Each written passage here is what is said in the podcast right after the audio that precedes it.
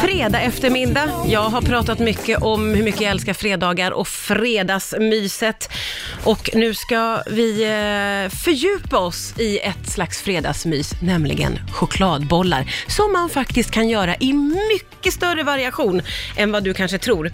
Mia Örn är matskribent eh, med inriktning på kakor som har skrivit en hel bok om chokladbollar. Och Mia är min gäst här i eftermiddag. Välkommen hit Mia. Tack så mycket. Hur mycket älskar du själv chokladbollar? Alltså väldigt mycket. Ja, du måste ju göra det som har fått till en hel bok. Men sen så är det ju också faktiskt egentligen, det här är lite dumt att säga, men den här vanliga chokladbollen är nästan allra godast. Är det så? Ja, det är lite pinsamt med tanke på att jag har gjort väldigt många varianter i boken. Men jag blir förvånad varje gång hur fantastiskt gott det är med den enkla kombinationen med smör och havregryn och socker. Ja, det är ju det. Det är som man bara kan frossa. Men du är här nu i eftermiddag för att du ska få riktigt inspirera oss med vad man kan göra om man tar det lite, lite längre. Något så enkelt kan vara så gott. Det är ju något väldigt spännande med det. Men du har ju då eh, i din bok tagit det enkla och ta, vågat ta steget lite längre. Kan du ge oss några tips på vad man kan göra om man vågar liksom gå lite längre med chokladbollen? Man kan ju ta ett litet steg till att börja med att göra havrebollar. Ja. Det ovanligt gott, eller oväntat gott. Ja, det är gott. Eh, och då kör man en lite barnsligare variant så att man kör O'boy-pulver istället för kakao i. Ja. Och sen så gillar jag också när de är lite så släta i konsistensen, så då kan man liksom mixa dem eller nästan vispa dem och så blir det en ganska lös god smet, men då som man rullar i kokos. Vi Ja, pratade ja, om det under musiken, den här vattendelaren. Ja. Att eh, man, antingen föredrar man pärlsocker eller kokosflingor. Ja, just det. Jag är lite ambivalent. Ja, du är det. Jag är ju inne på det barnsliga spåret med, med, med socker, pärlsocker. Ja, berätta varför. Ja, men jag har lite svårt för kokoskonsistensen. Det är tyvärr så. Men jag förstår att många ju älskar eh, kokos. Både smak och konsistens. Mia, du har ju tagit med dig en jättevacker burk med några olika chokladbollar. Eh, om jag får, tar en liten pytte, vad är det för... Den här är, ser jag ju att det är nötter. Ja, eh, ja men precis. Att man, kan man måste ju inte hålla sig till pärlsocker eller kokosflingor. Man kan ju rulla i allt möjligt. Är liksom eh, strössel och fruktpulver och den där har jag rullat i hasselnötter. Eh, det, Det är är... förlåt att jag avbryter, men det är en väldigt god och krämig chokladkonsistens. Ja, men vad bra. Hur får man till det här goda? Det här vill jag ha mer av. Det där är ju egentligen en chokladtryffel som när jag fick Mm. höra att jag skulle vara med liksom, i panik formade till en chokladboll. Ja.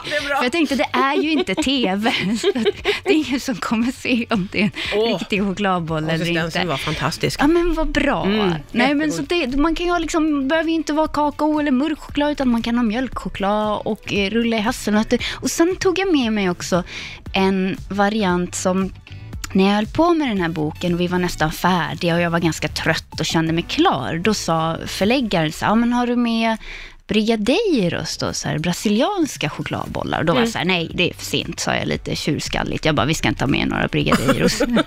Men sen idag så testade jag att att baka det.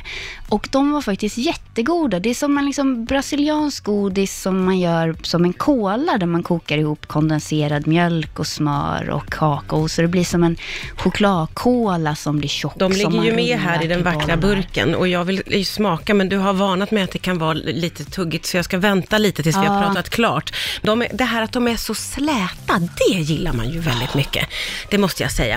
Eh, det är lätt att tänka att det här är något för barnfamiljer, men visst är det väl också för, alltså man behöver inte ha barn för att göra och gilla chokladbollar väl? Nej, verkligen inte. Det kan passa alla. Ja. Jag har särskilt ett eh, vuxet kapitel här i boken. Ja, det låter lite Några snuskigt när du säger det sådär, men okej. Vi fick döpa om det. Det heter nu smakrika godbitar. Ja, bra. Eh, nej, men en av mina favoriter är faktiskt eh, så här, um, med vit choklad. Eller så här, vit choklad och citron. Och så rullar man dem i rostad vit choklad. Man liksom kör den vita chokladen i ugnen så att den blir alldeles så här crunchig och god. Och det låter ju väldigt och så gott. finns det ju några varianter med rom och det finns semmelbollar Va? och sen så några mer. Eh, det, några som inte brukar vara så populära bland vegetarianer tyvärr. Det finns också chokladbollar med bacon. Det har varit en sån så här choklad och fikontrend. Ah, det låter spännande tycker jag. Men nu slår det mig att du sa till mig innan att jag fick lov att fråga om den minst goda chokladbollen i boken. Det är ju roligt att få ställa en sån fråga. Du har gett ditt godkännande. Är det någon som är lite sådär? En som är li- det är alltid så i en bok, tycker jag. Att ett recept blir lite sådär och så slinker det ändå med. Nej, men det, är något så här, det är ett kapitel med råbollar också, för det är ju jättekul och bra sätt att kunna variera det. Men där är en, en boll med kikärtor och fikon och lakrits. Alltså den är helt okej om Ja. man tänker så här, nu vill jag ha lite protein och mättnad här efter Okej. gymmet. Men det är inte den bollen man kanske längtar efter, Nej. cravings. Det Annars- låter lite speciellt. Ja. Eh, Det gör det ju.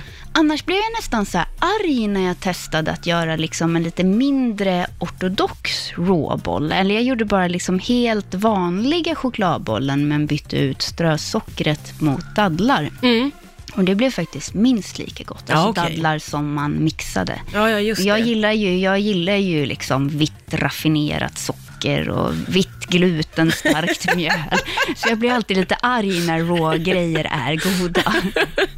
Har du en personlig favoritchokladboll?